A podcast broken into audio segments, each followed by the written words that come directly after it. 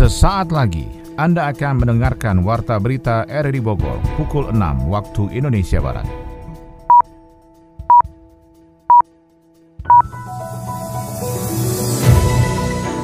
Selamat pagi, salam jumpa. Kami hadir kembali dalam Warta Berita edisi hari ini, Rabu 16 Agustus 2023. Informasi ini juga turut disiarkan melalui audio streaming lewat RRI Play dan juga disiarkan lewat Radio Tegak Beriman Kabupaten Bogor, Jawa Barat dan Anda bisa akses di Spotify RRI Bogor. Berita utama pagi ini adalah sedikitnya 50 ribu jiwa warga Kabupaten Bogor terdampak kekeringan.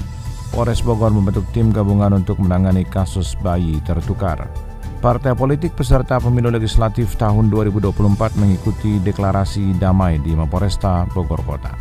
Saya Maulana Sarto, inilah Warta Berita selengkapnya.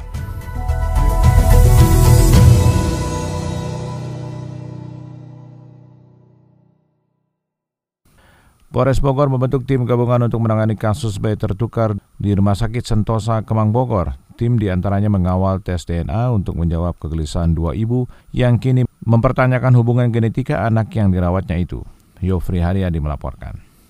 Drama bayi tertukar di Rumah Sakit Santosa Kemang Bogor masih bergulir. Salah satu pihak yang berperkara pada persoalan itu pun belum memenuhi klarifikasi dari pemohon untuk melakukan tes DNA terhadap bayi yang dirawat oleh Ibu D. Kasih Humas Polres Bogor Ibtu Desi Triana mengatakan Polres Bogor melalui Satgas yang dibentuk terdiri dari Satreskrim, Intelkam, Patroli Siber, dan Trauma Healing Urkes memfasilitasi tes DNA terutama kepada Ibu D yang sebelumnya telah dimintai klarifikasi oleh pihak Polres Bogor. Melalui hasil tes DNA yang dilakukan nantinya diharapkan ada titik temu antara kedua belah pihak sekaligus menjawab kegelisahan dua ibu yang kini mempertanyakan hubungan genetika anak yang dirawatnya itu. Satreskrim Polres Bogor membuat surat undangan klarifikasi kepada pihak rumah sakit dan Ibu D yang uh, belum mau melakukan tes DNA.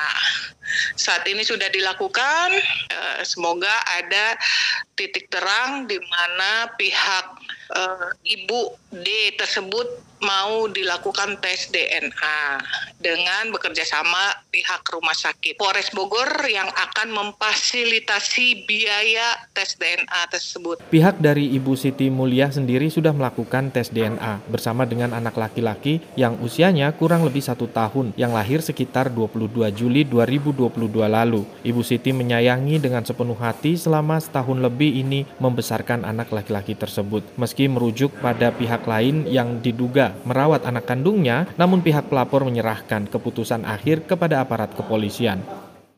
Dinas PUPR Kota Bogor menertibkan kabel semraut yang ada di wilayah Kecamatan Bogor Utara. Penertiban dilakukan dengan menggunting kabel-kabel yang meresahkan masyarakat itu. Adi Fajar melaporkan. Dinas PUPR Kota Bogor melakukan penanganan terhadap kabel semrawut yang ada di wilayah Kecamatan Bogor Utara. Penanganan dilakukan dengan menggunting kabel-kabel tersebut agar tidak meresahkan masyarakat. Kepala Dinas PUPR Kota Bogor Renada Frina mengatakan, sejauh ini pihaknya telah melakukan pembabatan kabel semrawut tersebut di sejumlah lokasi seperti di Jalan Raya Bang Barung, Bantar Kembang hingga ke Katulampa. Ia mengatakan langkah itu bertujuan untuk mencegah korban karena juntayan kabel yang berantakan itu berbahaya dan dapat menimbulkan kecelakaan. Kegiatan penertiban dan perapian kabel hari ini sebenarnya kita fokusnya di Bogor Utara, Bang Barung, kemudian nanti kita lewat ke Bantar Kemang, Katulampa, terus balik lagi nanti sampai di depan kantor kecamatan Bogor Utara. Jadi kemarin kita sudah survei uh, dan saya sudah informasikan ke masing-masing provider untuk segera merapikan kabelnya. Rena menekankan bahwa Pemkot Bogor sebelumnya telah mensosialisasikan kepada para pemilik kabel agar segera dirapikan. Melihat hal tersebut tidak diindahkan oleh pemilik kabel, maka Dinas PUPR mengambil langkah tegas dengan membabat kabel semeraut tersebut. Karena hari ini jadwalnya kita akan eksekusi ketika memang ada kabel yang masih menjuntai, yang yang membahayakan dan uh, um, apa namanya bagi pengguna jalan dan uh, di trotoar pejalan kaki. Rena pun terus mengingatkan kepada para pemilik kabel agar dapat merapikan segera kabel yang semeraut khususnya di jalan raya sebelum adanya tindakan oleh Dinas PUPR. Selain itu Pemkot Bogor juga akan menyiapkan sanksi melalui peraturan daerah atau perda jika masih ada pemilik kabel yang tidak tertib dalam instalasi kabel di jalan. Partai politik peserta pemilu legislatif 2024 mengikuti deklarasi damai di Mapores Bogor Kota. Sony Agung Saputra melaporkan. Partai politik peserta pemilu legislatif tahun 2024 mengikuti deklarasi damai dari KPU Kota Bogor yang berlangsung di Mapolresta Bogor Kota. Dalam agenda tersebut juga dihadiri unsur muspidas tempat dan juga jajaran penyelenggara pemilu tingkat Kota Bogor bersama alim ulama dan tokoh masyarakat. Ketua KPU Kota Bogor Samsudin menjelaskan saat ini penting untuk menjaga kondusivitas wilayah saat adanya pemilu legislatif 2024. Tahapan pemilu saat ini sudah memasuki masa pencermatan daftar bacalek sementara yang akan mengikuti kontestasi pemilu legislatif dengan dipilih langsung oleh rakyat pada tanggal 14 Februari 2024. Karena memang izin kami menyampaikan tidak kurang dari 1116 ya, peserta yang akan memperbutkan 800.181 pemilih di 2.913 TPS.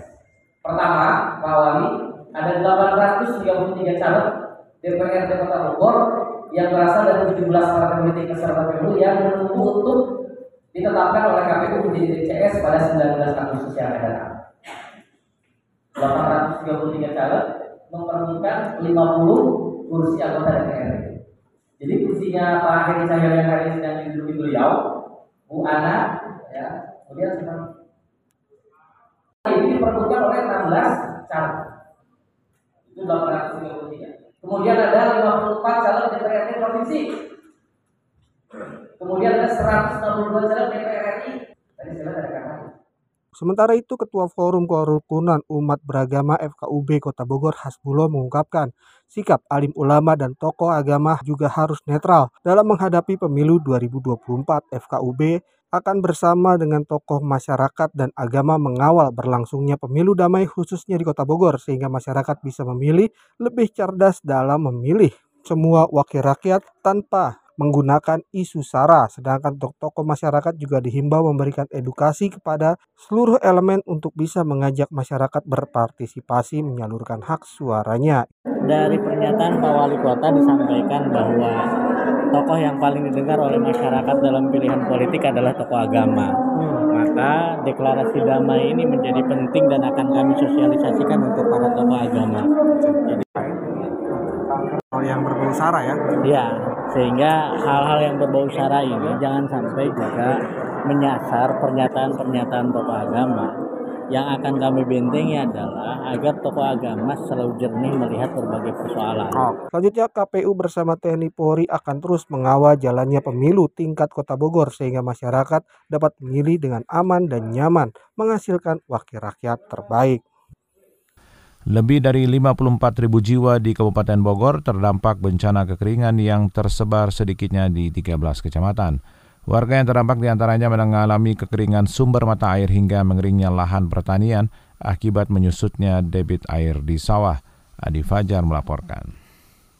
Lebih dari 54 ribu jiwa di Kabupaten Bogor terdampak bencana kekeringan yang tersebar sedikitnya di 13 kecamatan. Hal itu dikonfirmasi oleh Kepala Bidang Kesiapsiagaan Badan Penanggulangan Bencana Daerah BPBD Kabupaten Bogor, Agus Suyatna.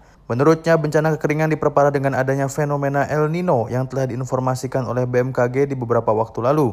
Warga yang terdampak di antaranya mengalami kekeringan sumber mata air hingga mengeringnya lahan pertanian akibat menyusutnya debit air di sawah. Dari kekeringan ini kita sudah berdampak ya eh, terhadap 16.960 kakak dengan 54.691 jiwa nih yang terdampak kekeringan ya. Karena ini ada fenomena El Nino sehingga nih sampai dengan hari ini belum belum turun hujan. Mudah-mudahan uh, di September ini juga terjadi hujan jadi jadi solusi juga. BPBD mencatat wilayah yang mengalami kekeringan paling banyak di barat Kabupaten Bogor yakni dengan total sebanyak 6 kecamatan di antaranya wilayah Jasinga, Sukajaya, Nanggung, Tenjo, Luis Sadeng, dan Cibung Bulang. Sementara kecamatan lainnya yang tersebar di wilayah utara, timur, dan selatan yakni Ranca Bungur, Babakan Madang, Citerep, Jonggol, Cisarua, dan Cijeruk, serta Sukamakmur.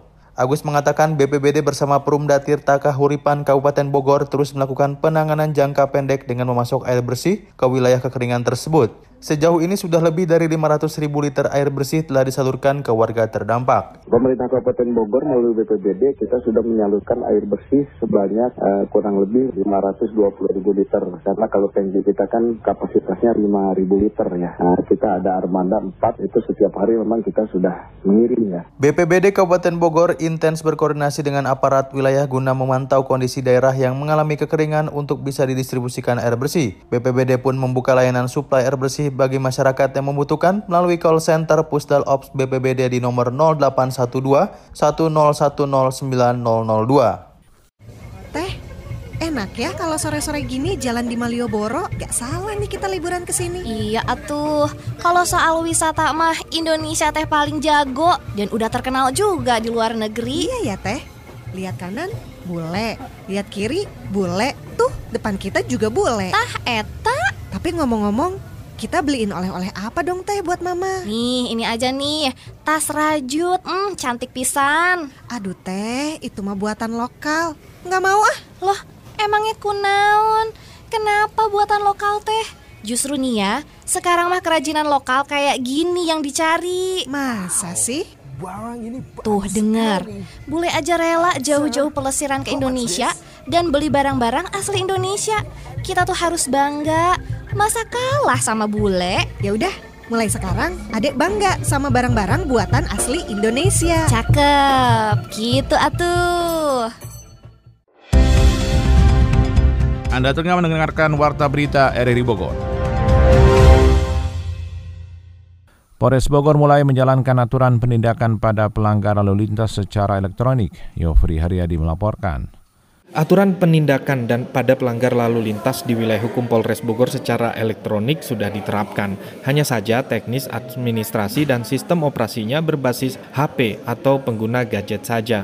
Kasar Lantas Polres Bogor AKP Diki Anggi Pranata saat dikonfirmasi terkait hal itu pun menjelaskan pihaknya sudah membuat pengajuan untuk direalisasikan. Akan tetapi dibutuhkan alokasi anggaran yang besar untuk penerapan secara maksimal kita ajukan mas. Kan pelanggarannya besar ya. Kita ajukan nanti mungkin dari Pemda yang akan oh, dari kami sementara menyikapi kesiapan itu kita sudah pakai handphone mas pakai aplikasi terkait temuan pelanggaran masih adanya truk niaga yang melintas di Jalan Cikretek yang belum 100% rampung itu pun AKP Diki Anggi Pranata menginstruksikan kepada jajaran di bawahnya baik Polsek, Ciawi, dan Caringin untuk menindak laporan pungli Pak Ogah yang mengutip pelanggar kendaraan niaga dan atau kendaraan berat yang melewati Jalan Cikretek. Kita pengecekan, pengecekan juga kan kita kalau kan tidak boleh ini waktu lagi gatur, gatur pagi, gatur sore, temukan pelanggaran kasat mata, kita langsung lakukan penindakan peneguran kepada masyarakat melalui etlego tertulis dengan jelas pada papan proyek. Selama dua ruas jalan dan jembatan tersebut belum rampung, akses satu ruas jalan hanya diperuntukkan bagi kendaraan roda dua dan minibus serta angkutan umum saja. Truk niaga dan bus wisata dilarang melintas dan diarahkan melewati tol Bocimi. 29 anggota Paskibraka Kota Bogor siap menjalankan tugas menaikkan dan menurunkan bendera merah putih di upacara kemerdekaan Republik Indonesia ke-78 pada 17 Agustus 2023 di lapangan Sempur Bogor. Sony Agung melaporkan. 29 anggota Paskibraka asal Kota Bogor melakukan kegiatan pelatihan untuk menjalankan tugas negara menaikkan dan menurunkan bendera merah putih di kemerdekaan Indonesia ke-78 tanggal 17 Agustus 2023 di lapangan Sempur. Anggota Paskibraka itu sudah menjalani masa pelatihan selama dua bulan dari tanggal 15 Juni hingga 15 Agustus dengan adanya serangkaian latihan secara fisik, mental, dan spiritual. Salah seorang anggota Paskibraka Kota Bogor, Rusdi Fadlat, mengaku bangga menjadi anggota anggota pengibar bendera untuk menaikkan dan menurunkan bendera merah putih saat perayaan Hari Kemerdekaan RI ke-78. Selama menjalani pelatihan di Kota Bogor mendapatkan banyak pembelajaran dari para pelatih pembina untuk menjadi sukses dalam melaksanakan tugas negara. Misalnya senang sih dapat pengalaman baru, teman-teman baru, semua banyak kesan-kesan baru, disiplinan, uh, baris berbaris, uh -huh, sama banyak sih. Itu salah satu nasionalis yang hmm. seperti apa? Yang lebih lebih bisa menghormati bendera merah putih sama merah putih. Sementara itu anggota Paskibraka Kota Bogor lainnya Fadilah Putri menjelaskan mendapatkan motivasi dari berbagai tokoh dari Kota Bogor dan nasional untuk menjadi inspirasi dalam kehidupan. Saat ini di usianya yang masih muda akan bisa meraih cita-cita dengan adanya inspirasi dari tokoh yang memberikan wejangan sehingga pelatihan paskibraka ini momentum untuk menempa diri saat nanti berbakti terhadap negeri. Banyak sih mulai dari rela berkorban kan uh, kita juga memperjuangkan dengan satu tujuan kita dua hari lagi 17 Agustus. Oke. Okay. Uh, kita juga pastinya pengen dari dulu tuh banyak juga uh, di antara kita yang emang udah bercita-cita dari dulu pengen menjadi seorang paskibraka, pengen uh, ngibarin di Sempur juga karena itu uh, apa ya kebanggaan juga buat kita buat orang tua demi apa yang mau kita capai itu harus butuh perjuangan dan pengorbanan bahkan sampai jiwa raga kita yang harus dikorbankan. Selanjutnya anggota Paskibraka itu akan menjalankan tugas kenegaraan setelah adanya pengukuhan dari Kepala Daerah Kota Bogor bersama Muspidas tempat yang akan berlangsung hari ini di Balai Kota Bogor.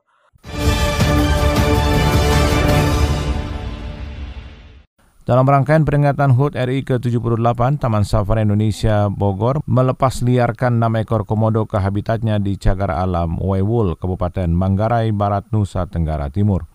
Yofri Haryadi melaporkan. Jumlah populasi komodo di Indonesia terancam. Hewan predator kanibal yang hanya terdapat di Pulau Manggarai, Barat, Nusa Tenggara Timur jumlahnya sekitar 3.000 ekor dan mengalami penurunan populasi yang disebabkan sedikitnya makanan di habitat asalnya dan tidak sedikit reptil purba itu pun memangsa kawanannya sendiri. Dalam rangkaian peringatan HUT RI ke-78 ini, Taman Safari Indonesia melepas liarkan 6 ekor komodo ke habitatnya di Cagar Alam Waiwul, Kabupaten Manggarai Barat, Nusa Tenggara Timur NTT. Direktur Taman Safari Indonesia Jansen Manangsang mengatakan koleksi komodo di Taman Safari Indonesia dari 34 ekor kini menjadi 28 ekor. Selain dilepas liarkan di habitat asalnya, beberapa koleksi komodo yang dimiliki juga diberikan pada kebun binatang Ragunan dan Taman Mini Indonesia. Dari kecil dari telur sampai sekarang bahkan kenapa dilepaskan dari akan alam wild itu karena dulu datangnya dari sana. Jadi ya dari sini saya mau bantu dan juga dari bapak. Pak Yono memang kita komodo kita tuh asli ketahuan daripada breedingnya siapa parentnya. Induknya kita tahu. Kalau yang lain mungkin masih tanda tanya. Jadi mungkin sudah ada kawin bersaudara seperti ini betul-betul diteliti dan dicatat semuanya. Di Taman Sarsi masih ada 30, 20, 30, 28 28 di Bali bisa 53 lalu di Rian ada kurang lebih 70 dan dua ekor diserahkan dibakar kepada kebun Ragunan karena mereka tidak punya lagi dua kita serahkan ke Taman Mini Indonesia Selain komodo, sebelumnya pelepas liaran satwa langka juga pernah dilakukan dengan jenis burung elang Jawa. Pelepas liaran komodo itu pun telah melewati sejumlah treatment, yakni adaptasi hidup di alam liar dengan melatih kemampuan bertahan hidup seperti berburu dan beradaptasi dengan perubahan suhu udara dan cuaca. Sekretaris Direktorat Jenderal Konservasi Sumber Daya Alam dan Ekosistem Kementerian Lingkungan Hidup Suharyono mengatakan ternyata tidak hanya di Indonesia saja, beberapa kebun binatang di luar negeri juga memiliki koleksi komodo namun belum tercatat pasti jumlah yang dibudidayakannya. Red list termasuk endangered. endangered. Namun demikian spesies ini termasuk perlu mendapatkan perhatian yang besar karena sebaran habitat alaminya yang terbatas yaitu seperti tadi disampaikan hanya di Taman Nasional Komodo dan di sekitarnya yaitu di sekitar uh, Pulau Flores. Berdasarkan data strategi rencana aksi Biawak Komodo tahun 2021 sampai 2030 menyebutkan bahwa populasi biawak komodo di seluruh Taman Nasional Komodo masih berada dalam rem yaitu dalam kisaran 2000 sampai 3000 ekor. Salah seorang penjaga dan perawat komodo, Imam Purwadi, mengungkapkan komodo yang akan dilepas liarkan tidak diberi makan selama lima minggu untuk mengasah naluri berburu dan daya tahan tubuhnya. Meski terjadi persaingan di habitat asalnya di TSI, komodo akan tetap terpelihara dengan rekayasa suhu menyerupai habitat asalnya. Berantem, berantem dulu mereka biasanya berantem. Kalau jantannya kalah nggak mungkin akan kawin. patokannya. Cirinya jantan kalah, lukanya ini jantannya kabur nggak akan terjadi perkawinan. Oh. Jadi biasanya berdasarkan bulan gitu ya dari Juni Juli kita sudah lihat tadi ya kita lihat kita persiapkan periksa folikelnya di USG lihat terjadi pertumbuhan folikel yang bagus, estrusnya bagus, baru kita pasangin. Karena kalau itu nggak terbentuk, satunya nafsu, satunya nggak, ya hancur. Ini bulanan, oh, tahun, siklusnya tahun, gitu ya, setahun sekali. Nah itu makanya. Tahun depan Iya, tahun depan bisa jadi. Tapi harus timingnya pas. Timingnya kalau nggak pas, sekali gigit leher yang betina juga bisa putus. Suhu di dalam ruangan yang dihuni reptil endemik Indonesia di Taman Safari tersebut sekitar 40 derajat Celcius dengan lantai berpasir, berbatu serta memiliki sumber air mengalir. Pada saat musim kawin, komodo jantan dan betina bertarung. Jika satu di antaranya terluka, maka tidak terjadi pembuahan.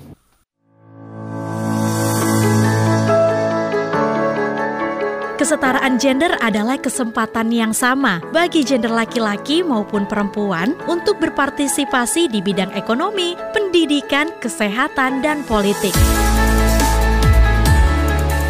Terlebih di zaman modernisasi saat ini, laki-laki maupun perempuan memiliki kesempatan yang sama untuk mengambil peran dan menggapai impian. Maka, pemberdayaan perempuan penting bagi kemajuan sebuah negara.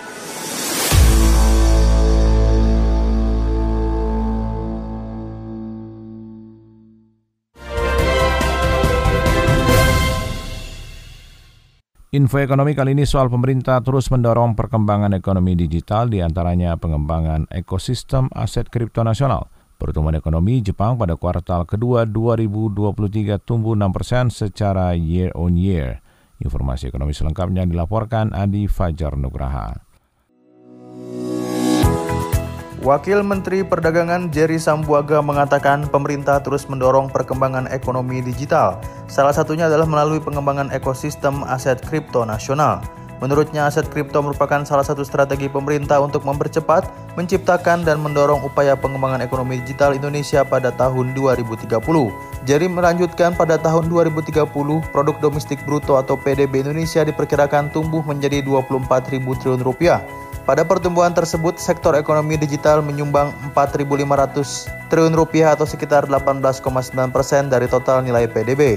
Perkirakan nilai ekosistem ekonomi digital Indonesia pada tahun tersebut utamanya akan ditopang oleh kegiatan perekonomian melalui sektor niaga L dengan nilai lebih dari 1 dengan nilai lebih dari 1.900 triliun rupiah. Jadi pun menjelaskan aset kripto merupakan salah satu dari tiga produk utama investasi yang diminati masyarakat Indonesia. Berdasarkan data Center of Economic and Law Studies, bahwa tiga produk utama investasi yang dimiliki masyarakat Indonesia adalah reksadana sebesar 29,8 persen, saham sebesar 21,7 persen, dan aset kripto sebesar 21,1 persen. Di samping itu terkait regulasi, Kementerian Perdagangan melalui Badan Pengawas Perdagangan Berjangka Komoditi atau BAPEPTI selaku regulator telah menerbitkan peraturan dan ketentuan terkait perdagangan fisik aset kripto di Indonesia yang terus disempurnakan. Pertumbuhan ekonomi Jepang pada kuartal 2 2023 tumbuh sebesar 6% secara tahun ke tahun. Angka pertumbuhan ini disebut jauh dari prediksi para ekonom sebelumnya. Angka pertumbuhan itu menunjukkan pemulihan bagi Jepang pasca melawan pandemi COVID-19. Sebelumnya ekonom yang disurvei oleh Reuters memperkirakan ekonomi Jepang hanya tumbuh 3,1 persen pada kuartal April hingga Juni. Dengan pertumbuhan yang jauh dari prediksi itu menumbuhkan optimisme jangka panjang bahwa ekonomi Jepang diyakini akan kuat. Capaian pertumbuhan ekonomi Jepang saat ini didorong oleh sejumlah segmen, terutama pada ekspor yang meningkat cukup signifikan. Ekspor rebound 3,2 persen sebagian besar dikontribusikan oleh ekspor mobil. Namun dalam waktu bersamaan, impor Jepang juga turun sebesar 4,3 persen. Ekonom Jepang Tailian mengatakan hampir semua peningkatan output didorong oleh peningkatan 1,8 persen poin dari perdagangan bersih. Hal itu menandai kontribusi terbesar kedua dari perdagangan bersih dalam sejarah 28 tahun rangkaian PDB saat ini dengan bangkitnya kembali ekspor dari penguncian pertama di awal pandemi yang memberikan dorongan yang besar. Pada bulan Juli, Bank Sentral Jepang melonggarkan kendali kurva imbal hasil atas obligasi pemerintah Jepang bertenor 10 tahun dalam sebuah modifikasi yang katanya dimaksudkan untuk membuat posisi moneternya yang sangat longgar lebih berkelanjutan sehingga dapat mendorong ekonomi di Jepang.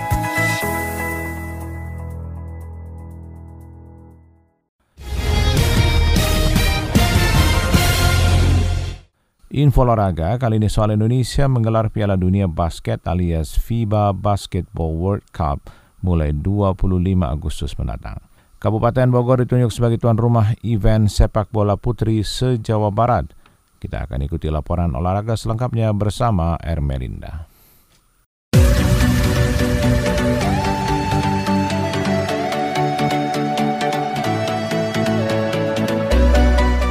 Pekerjaan berat dihadapi oleh tim sepak bola putri PSSI Askap Bogor. Pencarian talenta berprestasi terus dilakukan untuk membentuk sebuah tim yang solid. Hingga saat ini materi pemain masih sangat minim dan di bawah standar. Menurut Abdus Syobur, selaku pelatih putri mengatakan para pemain sepak bola putri belum maksimal. Jika dipresentasikan hanya 40% saja. Para peserta yang turut ambil bagian dalam seleksi ini adalah mereka yang terbagi di seluruh kecamatan yang ada di Kabupaten Bogor. Namun sayangnya banyak dari pemain ini yang masih kaku di lapangan hijau. Jika masih ada waktu, Abdus Syobur akan berkoordinasi dengan PSSI Bogor untuk kembali mengundang para klub yang mempunyai pemain potensial karena untuk bisa mencari pemain berprestasi haruslah dengan terus berlatih semaksimal mungkin. Masih memang harus uh, banyak pembenahan ya dalam arti cara bermain, ya, wawasan bermain, terus bahkan skill atau teknik dasarnya pun ya, harus kita punya kelas lagi. Makanya kita ambil seminggu lima kali ya harus memutar betul-betul ya insya Allah lah kita penting usaha ya. Nah, tapi memang uh, ini kan baru uh, terlihat ya uh, artinya baru bisa kan antara berangkat tim ya memang tinggal ya namanya banyak lagi yang harus di terutama ya teknik uh, skill dasarnya ya artinya hmm, posisi Menurut Syobur, untuk saat ini tim sepak bola putri masih membutuhkan pemain posisi belakang dalam tengah dan seleksi pemain sepak bola putri Kabupaten Bogor ini sifatnya terbuka untuk umum. Sementara itu, Ketua PSSI Aska Bogor Iswa Yudi mengatakan akan ada event sejauh barat yang nantinya Kabupaten Bogor ditunjuk sebagai tuan rumah. Sehingga menurut Iswa Yudi ini merupakan event yang baik agar bisa menemukan pemain-pemain potensial dari Kabupaten Bogor. Ya memang kan kita mencetak anak-anak Kabupaten Bogor ini uh, khususnya kita kepengen lah ada jenjang lebih ke atas itulah setidaknya ada kebanggaan lah sama masyarakat Kabupaten Bogor ketika mereka bisa nantinya bisa ikut di kancah nasional ataupun internasional kita. Iswahyudi berharap tim sepak bola putri Kabupaten Bogor akan selalu berusaha memberikan yang terbaik bagi sepak bola di Kabupaten Bogor. Piala Dunia Basket alias FIBA Basketball World Cup bakal digelar di Indonesia mulai tanggal 25 Agustus mendatang. Jadwal kedatangan tim peserta di FIBA Basket World Cup yang diselenggarakan di Indonesia Arena Jakarta. Indonesia menjadi tuan rumah untuk gelaran grup G dan H. Grup G berisi Iran, Brazil, Spanyol, dan Pantai Gading. Sedangkan grup H terdapat Kanada, Latvia, Lebanon, dan Prancis. Selain itu, Indonesia Arena juga menjadi tempat untuk penyelenggaraan babak kedua, baik itu untuk perebutan tiket menuju perempat final maupun laga yang menjadi penentuan peringkat 17 hingga 32. Merujuk jadwal yang dirilis oleh LOC, Kanada dan Pantai Gading akan menjadi tim tiba paling awal yaitu Minggu 20 Agustus. Setelah itu Prancis, Brazil, Lebanon, Spanyol, dan Latvia yang dijadwalkan mendarat di Jakarta pada hari Selasa. Iran menjadi tim paling terakhir yang tiba di Jakarta. Iran direncanakan menjajakan kaki di Indonesia pada hari Rabu 23 Agustus. FIBA Basket World Cup sendiri merupakan kompetisi bola basket tertinggi untuk level tim nasional. Tim-tim yang berlaga di kompetisi ini adalah jajaran tim terbaik yang berisikan pemain-pemain yang kelas dunia.